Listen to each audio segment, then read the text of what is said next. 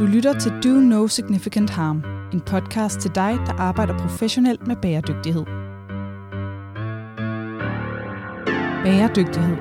Hvad betyder det egentlig? Vi ved, at vi skal give kloden videre til vores børn og børnebørn. Vi mærker det, når vi stikker hovedet ned i køledisken, eller når det regner juleaften. Men når vi skal forklare det, bliver det svært. Bæredygtighed er nemlig meget mere end oversvømmelser og global opvarmning. Derfor har vi lavet denne podcast – hver dag arbejder Vegan Moe på at trække verden i en grønnere retning, og det kræver et fælles sprog. Do No Significant Harm er podcasten til dig, der arbejder professionelt med bæredygtighed. Her deler vi ud af erfaringer og bekymringer. Vi taler med vores egne eksperter, men søger også inspiration uden for kontoret. Altid med henblik på at gøre os selv og dig klogere. Titlen har vi stjålet fra EU's taksonomi for grønne investeringer – her minder den os om altid at tjekke, at det gode, vi gør for klimaet, ikke gør betydelig skade på naturen og samfundet. Fast vært Claus Ulrik Mortensen. Velkommen til. Vi er i dag nået til andet afsnit i vores ESG-følgetong. Jeg har fået selskab af Bjarne Bak, som er partner og chef for Vegan Måøs afdeling for strategi og ledelse. Og så Lasse Vinblad Theisen, som er seniorprojektleder og civilingeniør med stor indsigt i det, som vi skal tale om i dag, nemlig klima og miljø. Og øh, velkommen til begge to. Tak. Tak for det. Og Bjarne, Bjarne Bak mødte vi i sidste uge, men Lasse, kan du ikke give os en kort indflyvning til, hvem du er og hvad du arbejder med? Jo, det kan jeg sagtens. Øh, jamen som sagt, jeg hedder Lasse og er civilingeniør. Øh, oprindeligt troede jeg, jeg skulle være produktudvikler, øh, designingeniør, og senere så skiftede jeg fokus lidt mere over på, øh, på bæredygtighed, på affaldshåndtering, øh, cirkulær økonomi, som begyndte lidt at være nogle buzzwords øh, på det tidspunkt øh, og som nu i dag er, er ekstremt vigtige.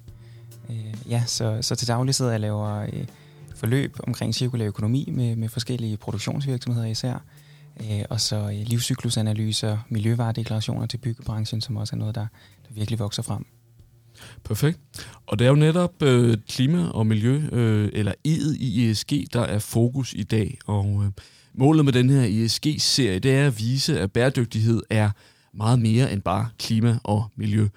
Men det ændrer jo ikke på, at bæredygtighed også er klima og miljø.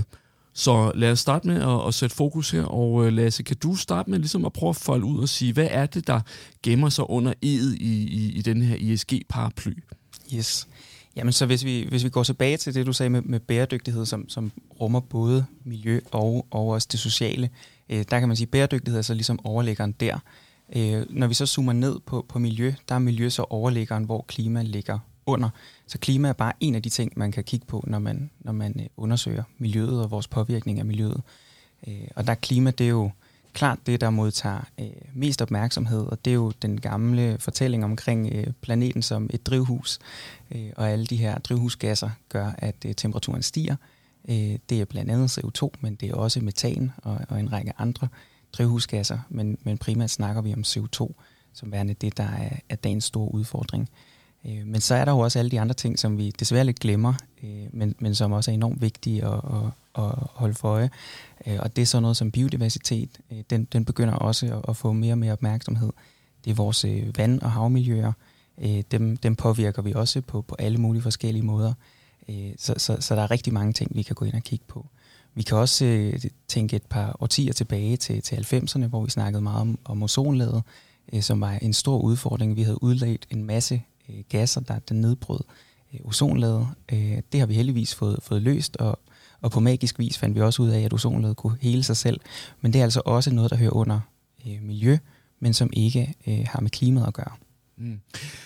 Men når man taler grøn omstilling, så får man jo et indtryk af, at, at det handler om ja, det handler om, om klimaet primært, ikke? Øhm, og Bjarne, i hvor høj grad er det, er det stadig det, du møder, når, når, når, når du er ude og, og tale med kunder, eller på anden vis øh, tale med, med folk, der, der arbejder med, med øh, bæredygtighed? Øhm. Det, det er i meget høj grad. Øh, ofte når du er ude ved, ved virksomheder, så, så starter de jo på et ja, det, ret lavt modenhedsniveau, så, så øh, ofte så ringer de jo, så er de lidt i tvivl om, hvad der er, de hvad det er, de spørger om. Altså, om de beder om en klimastrategi, eller skægstrategi, eller bæredygtighedsstrategi. Det er et fedt for, for dem øh, at komme ud, og ofte så er det en klimastrategi, de mener, og det er i hvert fald det, de har selv i tankerne, når det er. Fordi det er klima, der, der fylder meget, og det fylder meget i, en dansk sammenhæng, det fylder meget i en europæisk sammen, sammenhæng, hvor hvis vi går andre steder, altså til øh, USA eksempelvis, så, så er det nogle andre aspekter af ESG. Så er det S og G, der, der ofte har en, en større vægtning. Øh, men i en øh, dansk europæisk sammenhæng, så, så er det klima, der følger. Ja, så, så det er klima, der, der ligesom er i centrum, og det er også, når du kigger øh, politisk set, ikke? altså det er på klimaet, vi sætter målsætninger for en 70% øh, reduktions øh, i, i 2030, og kan man sige, at, at miljødelen øh, har været altså underprioriteret både politisk, men også af virksomhederne, Lasse, og det er resultaterne af det, som, som vi, vi ser ved det her manglende øh, miljøfokus øh, under øh, e-delen. Ja, ja, jeg er fuldstændig enig. Altså, det, det er underprioriteret, de, de andre øh, miljøparametre. Men det er klart, at klima er den sådan mest presserende udfordring, og det er også det, der gør, at virksomhederne i første omgang starter de her øh, grønne omstillinger. Så er det så bare vigtigt, at vi undervejs også husker at minde dem om, om de andre øh, punkter i, i miljødagsordenen, som, som man altså også skal kigge på. Desværre så er det bare virkelig svært at, at øh, kigge på både æbler, pærer og bananer på en gang. Øh, og det er lidt det, der gør, at fokuset tit øh, samles om, om den, den ene ting, som, som så er CO2 og klima. Og for, for at supplere til det, så som vi talte om øh, ved i de tidligere afsnit med ESG, så er det også derfor, vi starter, når vi laver en ESG-strategi, med en væsentlighedsanalyse, for at netop finde ud af, hvad er det, der er væsentligt for virksomheden. Mm. Øh, og alle dem, vi har leveret for, øh, for virksomheder, det var danske virksomheder, jeg arbejder for, der har klima øh, bonget ud som en af de der 3, 4, 5 parametre i en væsentlighedsanalyse, som man så vil have fokus på. Og så kan der være andre parametre også, som er, som er relevante. Og så er det jo, når man så tvinger sig til at vælge mere end bare en, at, øh, at, der så, at man så kan få fokus på nogle af de, på de andre elementer, eksempelvis under i mm. Ja, og jeg tænker, nu kommer vi jo til at, at, at dykke ned i det. Vi har i virkeligheden, eller vi, vi foretager to dyk, så at sige. Ikke? Altså, så vi har et, et overordnet dyk, der handler om, at vi øhm, bevæger os fra at have det her primære fokus på på E til også at, at kigge på S'et og G'et. Ikke? Det er sådan den ene øh, trend. Og den anden trend er, at vi så inden for, for E'et, som vi taler om i dag, går fra primært at kigge på, på klima til også at kigge på nogle forskellige aspekter under, under miljøet. Og det er de forskellige aspekter, som, som vi skal folde ud nu her og tale om, hvordan man både strategisk, men også operationelt kan tage fat i øh, som, som virksomhed. Og øh, ja, vi, vi, vi, vi har jo tidligere talt om den her ESRS-standard, som, som er den, vi, vi taler om, og, og hvor de her 13 punkter under ESG er, er defineret. Og, øh, ja, og der er fem af de punkter, øh, har jo så med, med ed at gøre. Jeg tænker egentlig, at vi, vi tager dem en, en af gangen, og så taler om, hvordan, hvordan kan man arbejde med dem, og hvad er det, der ligger der. Ikke? Og det første, det er, er klima. Øhm, Jamen altså, øh, klimaet er, jo den første, øh, det, det kalder de for E1 i, i, i standarden. Øh, og den er faktisk også obligatorisk, øh, når, man, når man laver ESG, så den kan vi ikke slippe for.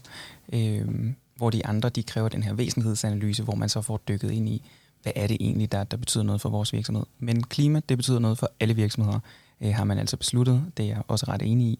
Øh, men derfor så skal man altid starte med, med E1 øh, og, og få lavet øh, nogle, nogle klimaberegninger på, på sin virksomhed. Det man skal, det er, at man skal have øh, et overblik over, hvad ens virksomheds samlede udledninger er. Øh, så, så det er der, et øh, klimaregnskab kommer, kommer ind i, i billedet. Og der er det også blevet defineret, at det er greenhouse-gasprotokollen, vi følger. Det er heldigvis meget godt, at, at alle regner på på samme måde. Det har også taget noget tid at komme dertil, at alle ligesom er enige om, at der er én standard at følge. Øh, men, men det har man nu, øh, og det er så greenhouse gasprotokollen, som, som mange af os sikkert kender, og det er den, der, der taler om scope 1, 2 og 3. Så det er sådan de væsentlige, øh, vigtige punkter øh, at, øh, at rapportere i, øh, i den første del af, af miljø øh, på ESG-området. Der er også under E1, der er både det, som, øh, som man siger, climate mitigation, det er selve udledningen, det er det, som Lasse er inde på, altså hvad er det, virksomheden selv udleder. Øh, men der ligger også den, der hedder climate adaptation, som er, hvad er egentlig konsekvensen af, at der sker klimaforandringer for din virksomhed? Mm. Og det er der ikke så mange, der har kigget på. Vi, det er ikke mange virksomheder, der har hjulpet med, med det endnu, men det bliver altså en obligatorisk del øh, af det at afrapportere på ESAS i CSRD.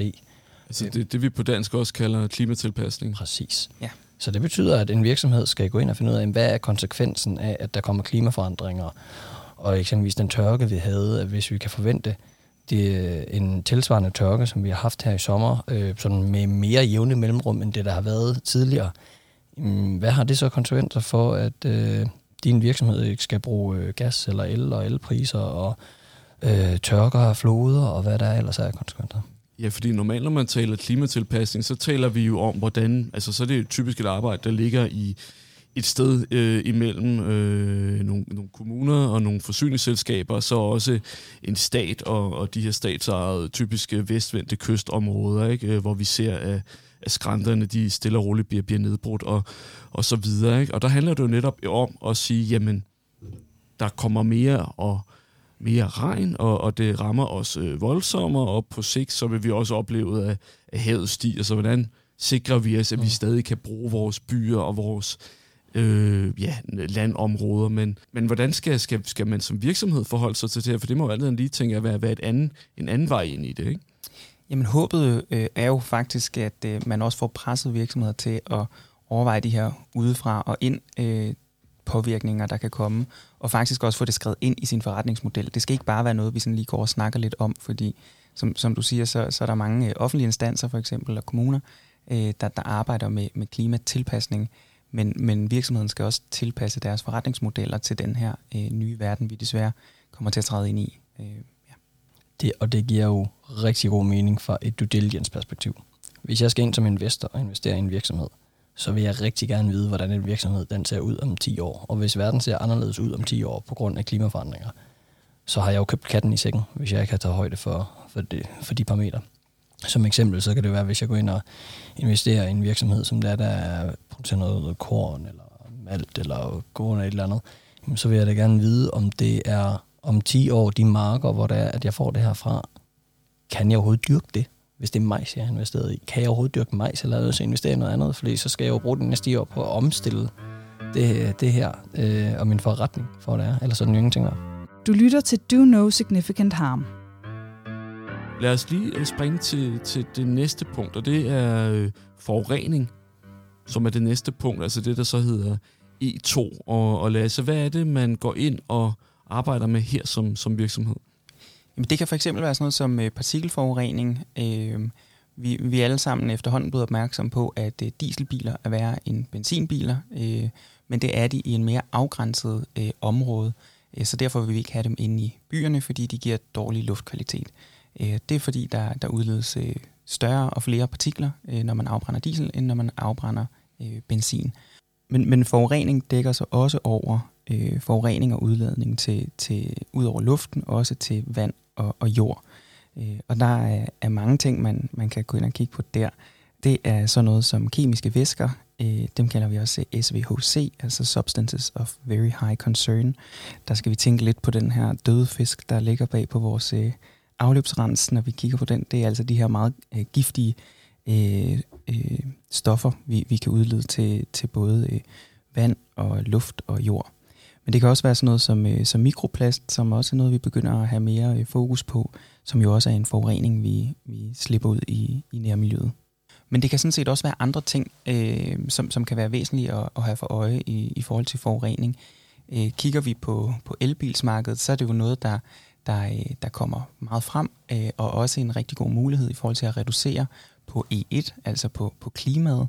Øh, der, der, der performer elbilerne rigtig godt, Øh, men kigger vi ned i værdikæden, så øh, er der nogle øh, minearbejdere, typisk i, i Kongo, øh, som bliver udsat for rigtig meget forurening, luftforurening, og det er altså noget, man også skal kigge på, hvis, hvis ellers ens væsentlighedsanalyse peger i den retning. Øh, så, så pollution, det, det er mere i forhold til luft, øh, for eksempel øh, luftforurening. Og Bjarne, hvad er det for nogle hvad er det for nogle forventninger eller krav, der bliver stillet til, til virksomhederne her? Altså, er det, er det på samme måde som, at, at man skal gå ind og lave et, et klimaregnskab og, og få afdækket ens udledninger, og også så derefter kunne, kunne sætte nogle mål og, og, og for, for reduktioner og definere nogle tiltag? Er det på samme måde systematiseret, hvordan man skal tilgå forureningsspørgsmålet som, som virksomhed? Ja, det er på samme måde. Så der skal du måle, hvad det er. Øh, hvad det er, du udleder af forskellige. De har ja, øh, particle matters, det PM-partikler, det er de der store og små partikler, som Lasse er inde på, sådan som NOx og SOx, du skal ind, og det er jo, øh, det er jo noget nært, det er, hvor, hvor CO2 det er noget, der er globalt, det går op og giver globalt problem, så det her, det giver et øh, nærmiljøproblem. Øh, meget af det her er allerede reguleret, øh, i en dansk kontekst og også i en europæisk kontekst, hvor der er, hvor, øh, hvor der er grænseværdier, og hvor du skal måle, måle på det.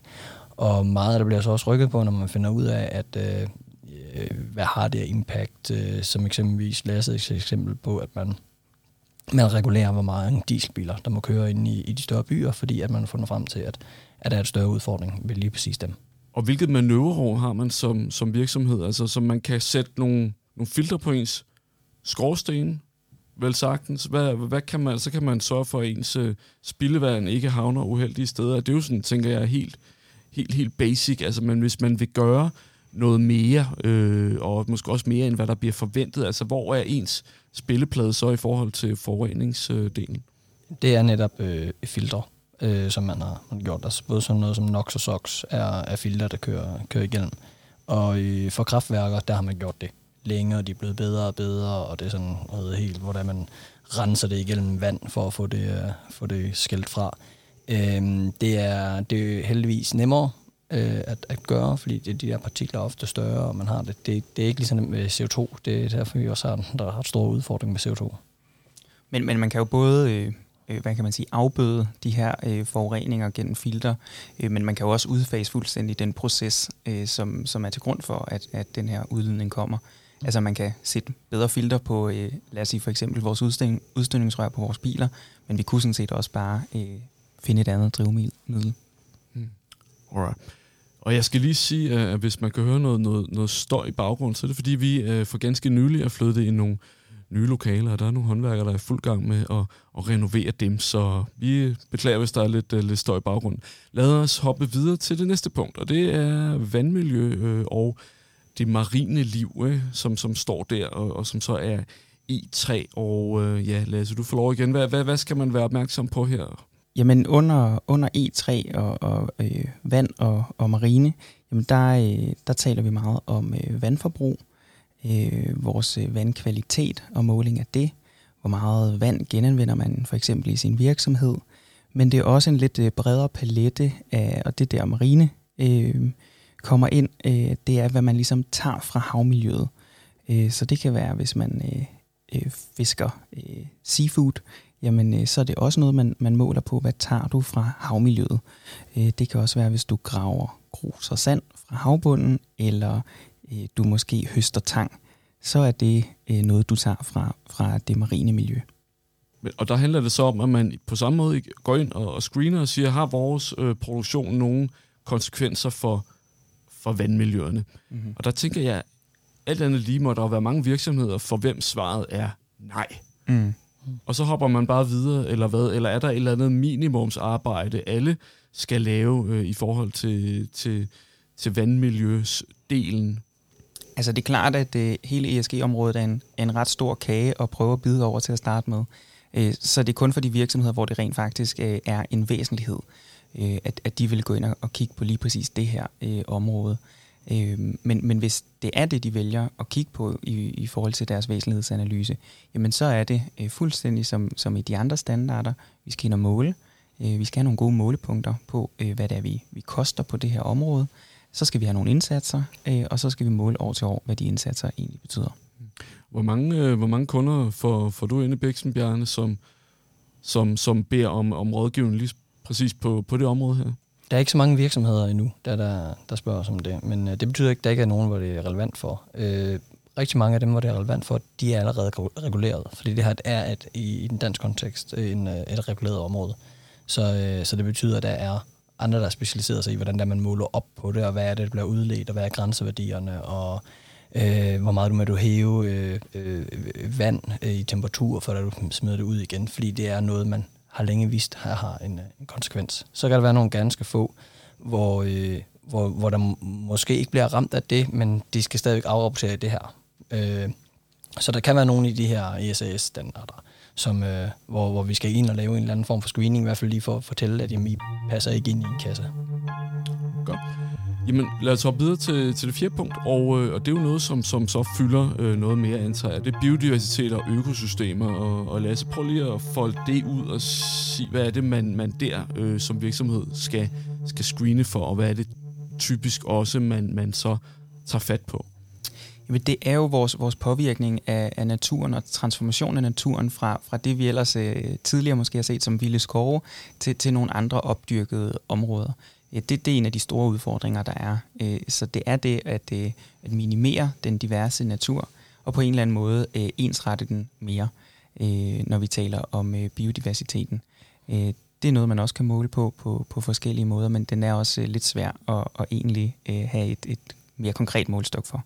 Ja, fordi man kan få et indtryk af, at biodiversitet, det, det er noget, som, som sagt, som, som fylder mere og mere, men, men, men også ofte noget, som, som handler om at vise, at man gør noget, der ikke er forventet af en. Jeg, jeg tænker på, jeg ved ikke, om I har set de her skilte foran øh, Silvan, så står der øh, eller andet med vild natur, vi der står der nogle store papskilte på nogle små græsplæner eksempelvis. Ikke? Mm. Der er jo ikke nogen, der kræver, at, at Silvan skal være med at slå deres græs.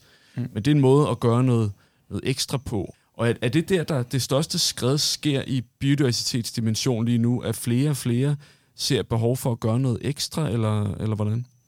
Ja, altså folk vil jo gerne gøre noget, noget ekstra, men jeg tror også, vi skal definere, hvad der er ekstra, fordi øh, hvis, vi, hvis vi ser det som en, en god gerning øh, at, at gøre noget ekstra, øh, altså at øh, lade, lad græsset stå øh, og, og, øh, og derfor øh, få lidt flere vilde blomster, øh, jamen, jamen det gør jo noget godt for, for biodiversiteten, men, men har du gjort noget ekstra øh, egentlig, eller havde du til at starte med gjort noget negativt ved at slå græsset og, og plante og så øh, kun græs? Øh, så det er også lidt et spørgsmål om, jamen har du egentlig bare nået op til en baseline, som er 0, eller, eller har du gjort noget ekstra?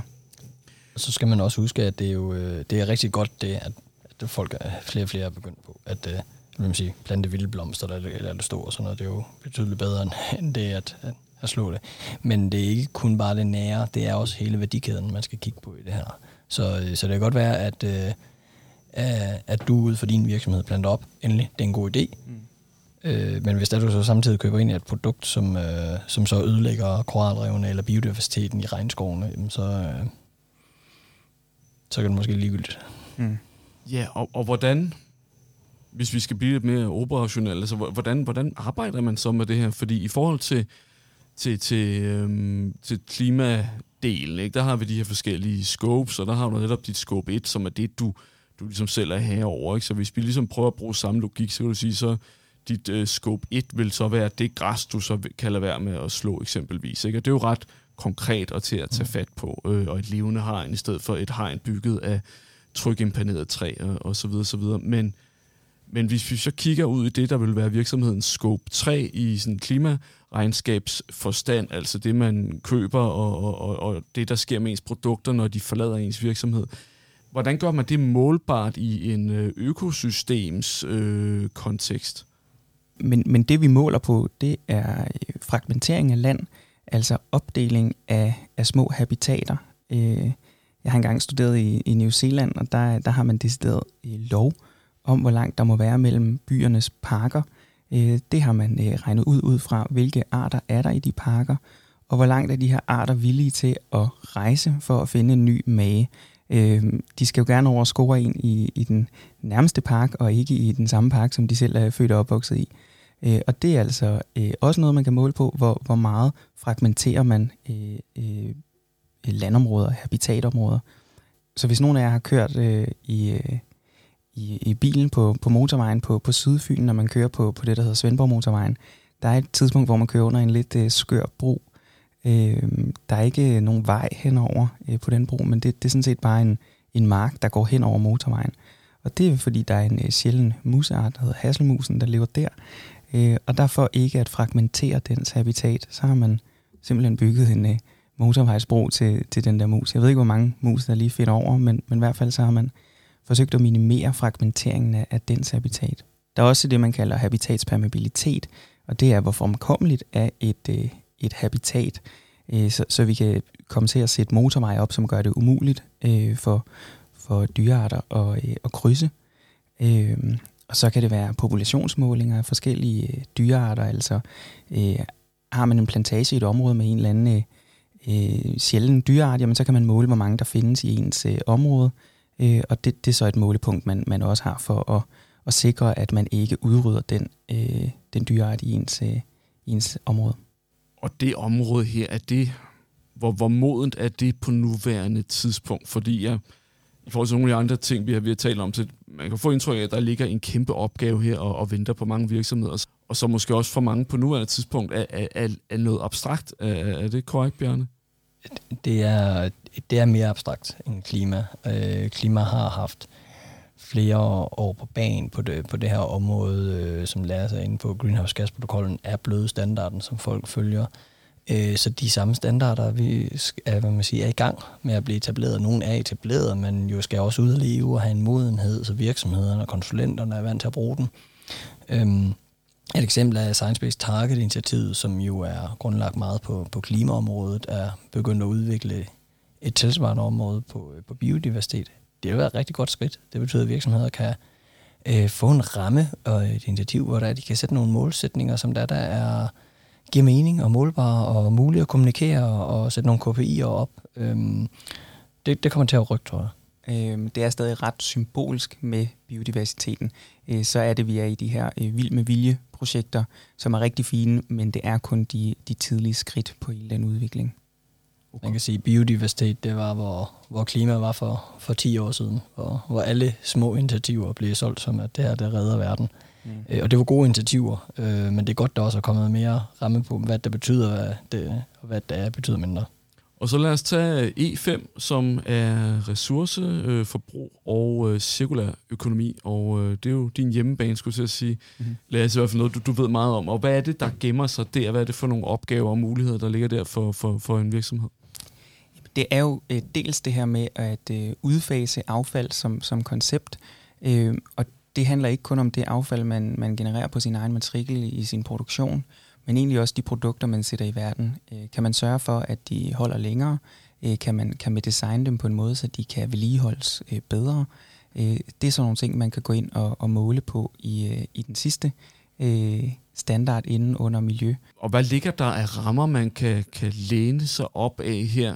Jamen, der er jo mange målepunkter, man kan vælge at, at bruge under dels ressourceforbruget, det er sådan ret øh, håndgribeligt fysiske enheder. Øh, hvor mange ton stål køber du? Hvor mange procent af det er genanvendt? Hvor mange er nye varer? Øh, det er måske endnu mere relevant, når vi snakker om plast. Øh, så laver du en baseline på det. Jamen, vi køber 20.000 ton plast om året, og 0% er genanvendt. Øh, men vi har en målsætning, der hedder, at 20% skal være genanvendt øh, næste år og så måler man på det året efter. Så, så det er igen det her med at, at måle baseline, sætte en målsætning, og så øh, forhåbentlig komme kom, øh, sikkert i mål med det året efter, og rapportere på, at det er noget vi, eller rapportere på, det er noget vi ikke, vi endte kun på 15 procent, det skyldes det og det, men nu vil vi gøre sådan her for at nå i mål næste år. Og Bjarne, hvilke, hvilke redskaber har vi her som, som rådgiver i forhold til at, at gøre det her konkret og operationelt for, for virksomhederne? Vi, øh, vi har nogle standardforløb, vi kører ude ved, øh, ved virksomheden, øh, hvor, øh, hvor vi starter med at lave en form for kortlægning, altså forstå virksomheden, øh, som lader sig ind på, hvad er det for nogle produkter, der de køber, og hvad er det for en proces, de kommer ind Hvordan lever det, de her produkter også ude ved kunden, som også er relevant for det her område, øh, og hvordan bliver de i sidste ende også afskaffet, eller går de ind i en eller anden cirkel, så de bliver, bliver genanvendt. Jamen fordi lige nu, der, der står en masse virksomheder og, øh, og, og kigger lunt på, på begrebet cirkulær økonomi, men, men har måske ikke helt forståelse for endnu, hvad, hvad, hvad det er, den værktøjskasse kan. Øh, det mange desværre ender med, det er at kigge på, øh, jamen kan vi sørge for i det mindste, at, øh, at de her øh, produkter, de bliver genanvendt, når de er færdige med at leve.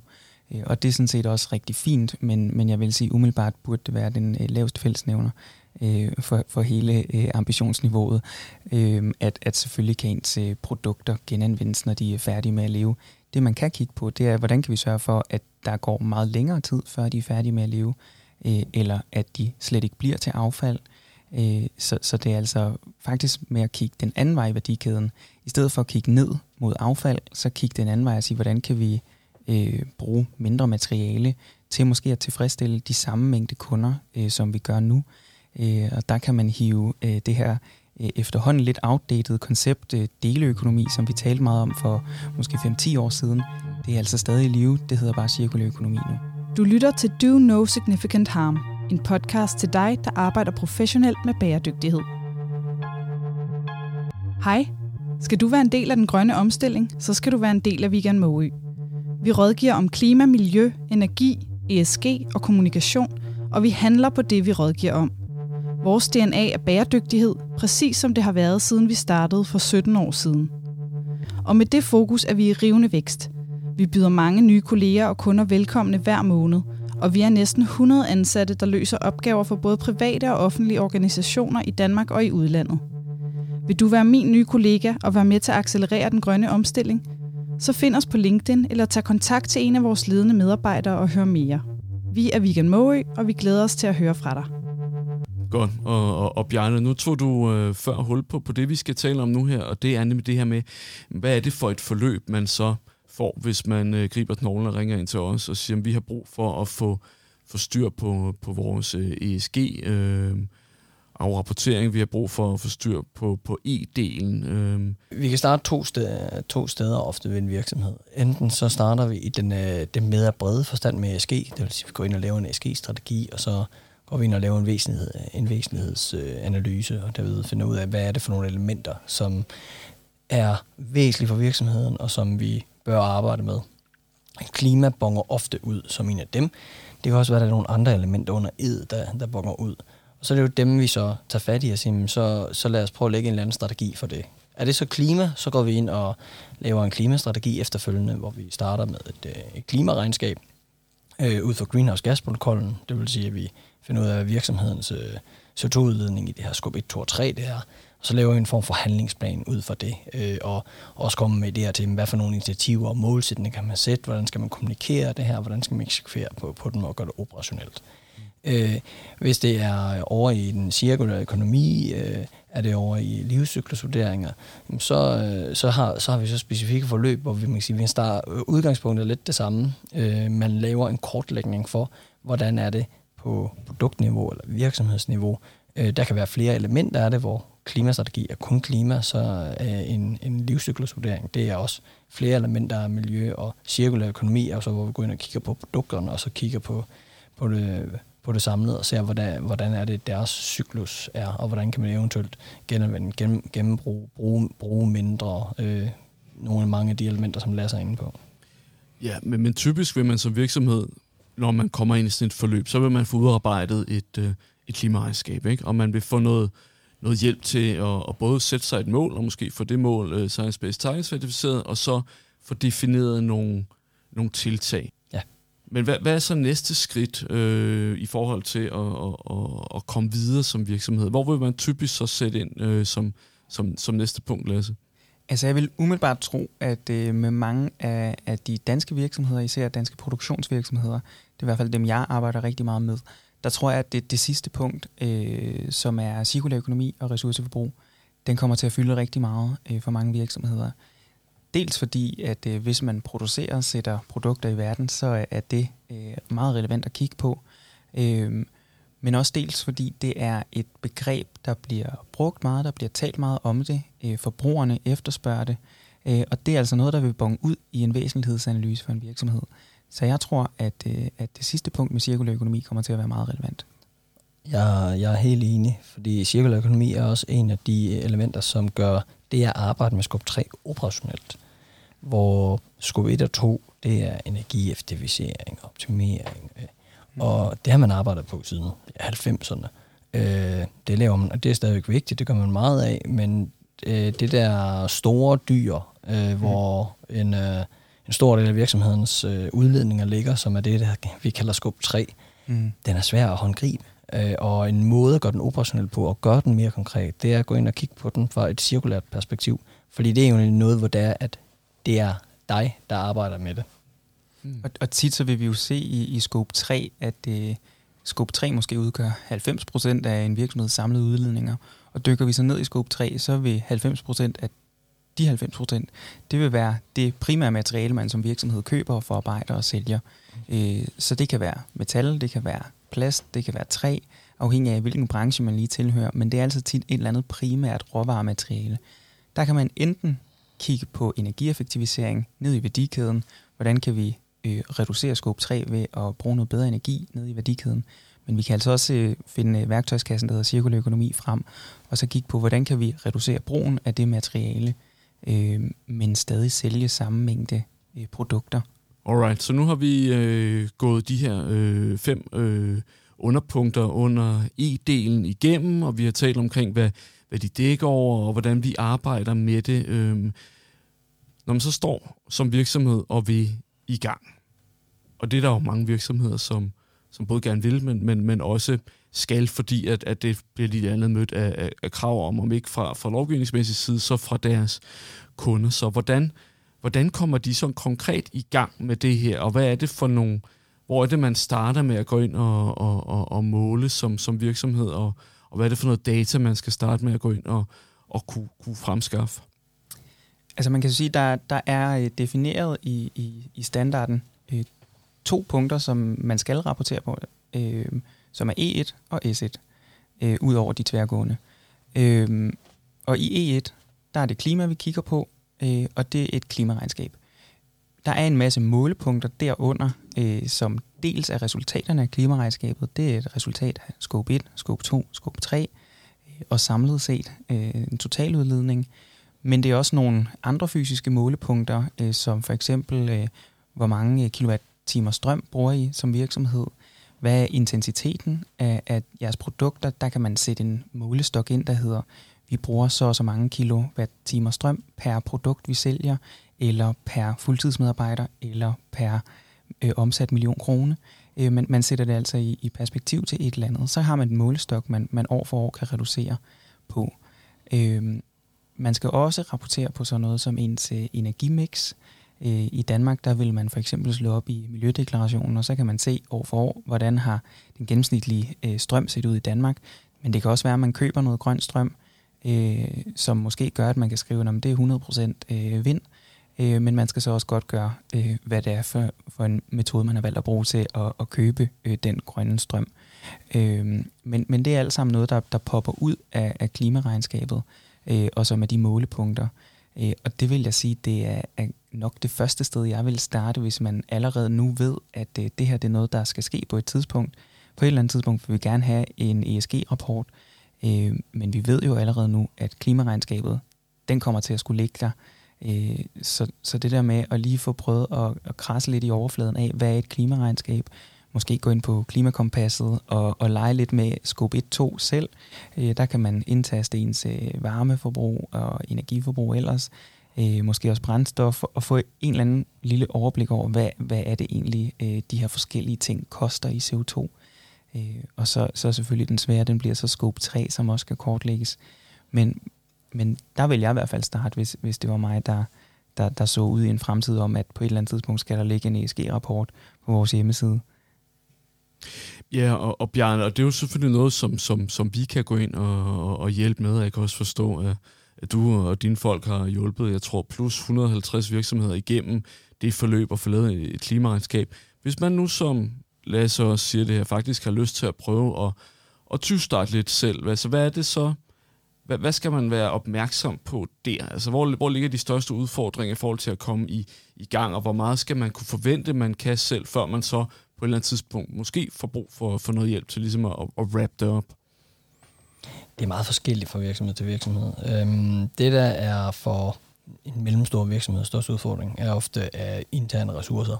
Altså det er rent faktisk er sat tid af. Det er derfor, det ofte hjælper, at de ja, hyrer en ekstern ind, fordi som minimum, så gør det i hvert fald, at de får kickstartet. Nu har de ligesom brugt ressourcer på det, og der kommer en ind og bruger tid på det, og får, får struktureret og sat nogle workshops op og beder om noget data, mm. øh, og, så, og så er de bedre klædt på til efterfølgende. Andre tilmelder sig nogle, øh, nogle forløb, altså workshop, det kunne være igennem deres øh, organisation, Dansk Industri eksempelvis, øh, har nogle forskellige arrangementer, vi er en del af, en, en, en del af dem også. Øh, det samme har erhvervshusene også. Øh, så, så, så virksomhederne selv kan blive klædt på til at komme igennem en eller anden form for forløb hvis det er, at man har mod på det og har øh, jeg vil sige, tiden og også lidt af kompetencerne til, til det, så kan man gå ind i lidt af det, som, som Lasse er inde på. Altså prøve at klikke sig lidt rundt, gå ind på klimakompasset, Erhvervsstyrelsens klimakompas, og taste øh, sit energiforbrug ind, sit benzinforbrug, sin, hvor meget køber man af stål i ton, og sådan, bare for at få en eller anden form for sådan lidt overblik over, hvor ligger egentlig vores, øh, vores udledninger henne det er ikke et fuldt klimaregnskab, som der, der kan afrapporteres, men det giver i hvert fald en god start. Mm. Jeg tror, en, en væsentlig ting også at, at nævne i forhold til de udfordringer, der kan være især med, med, med klimaregnskaber, og, og egentlig nok også alle de andre punkter, øh, det er dataindsamling. Øh, og, og som virksomhed, så skal man også til at strukturere det data, man har, øh, og det data, man ikke har, det skal man til at finde en metode til at indsamle på. Øh, nogle gange, når vi skal lave klimaregnskaber, så arbejder vi med virksomheder, der som er svært digitaliseret, og de laver bare et udtræk fra deres Navision og sender til os, og bum, så har de et, øh, klimaregnskab, og det kan være øh, ret nemt for dem, fordi de allerede har fuldstændig tal på, hvor mange kilo øh, stål køber vi, hvor mange kilo plast af de forskellige plasttyper køber vi osv. Og så, øh, så er det øh, nemt for virksomheden at, at sende det data, vi beder om. Der er også nogen, der stadig har fakturer på papir, der ligger i en eller anden bunke, øh, og måske så står der kun en samlet pris. Øh, så, så det, de kan sige, det er, at øh, vi ved ikke, hvor meget stål vi købte sidste år, men vi brugte i hvert fald 15 millioner kroner. Øh, så er det altså lidt svært øh, at, at få lavet et, et robust og ordentligt klimaregnskab.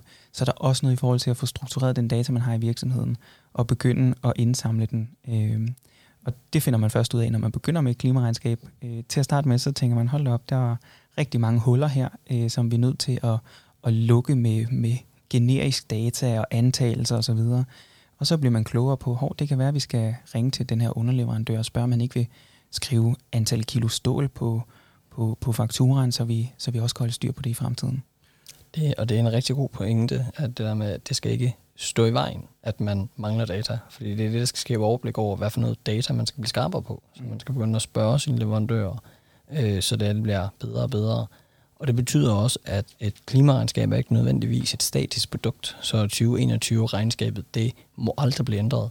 Det skal tværtimod ændres, hvis det er, at man netop bliver klogere på, at de forudsætninger, man regnede 2021-regnskabet på, dem er man blevet skarpere på, så bør man ændre sit 2021-regnskab, sådan at det er, at det ikke ser ud som om, det vi har haft en kæmpe stigning eller fald på grund af metodevalg, eller forbedrede data, eller alt muligt andet, men det er på grund af reelle reduktioner, eller på grund af reelle stigninger. Mm. Godt. Perfekt. Jamen, uh, mange tak til, til jer begge to, og tak Lasse, og, og tak Bjarne for at, at hjælpe med måske at, at lukke, øh, eller i hvert fald få lappet nogle af de huller i, i, i forståelsen, og, og gøre det lidt nemmere at, at komme i gang med, med det her. Og øh, ja, som sagt, de næste to afsnit dykker vi så ned i, i S-delen og i G-delen, altså det sociale og, og ledelses-governance-delen, øh, øh, op på samme måde med henblik på at, at gøre jer lyttere i stand til at kunne, kunne få hånd om, om det her ellers lidt, lidt flyvske ESG-begreb. Så tak fordi I, I lytter med, og øh, vi lyttes ved. Du har lyttet til Do No Significant Harm, en podcast til dig, der arbejder professionelt med bæredygtighed. Podcasten er produceret af Vegan Moe.